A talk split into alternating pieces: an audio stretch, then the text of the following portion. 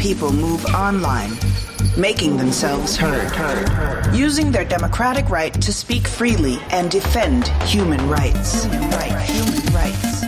But in 2020, governments shut down the internet 155 times. And in 2021, 42 countries deliberately censored the media. Technology should support democracy and respect human rights with groundbreaking innovation that aligns with democratic values, like trustworthy artificial intelligence that can seize the potential of big data without compromising individual privacy. New approaches that enhance transparency, authenticity, and secure information we can trust.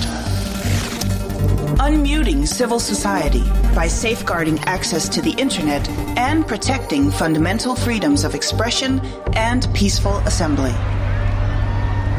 No one can do this alone.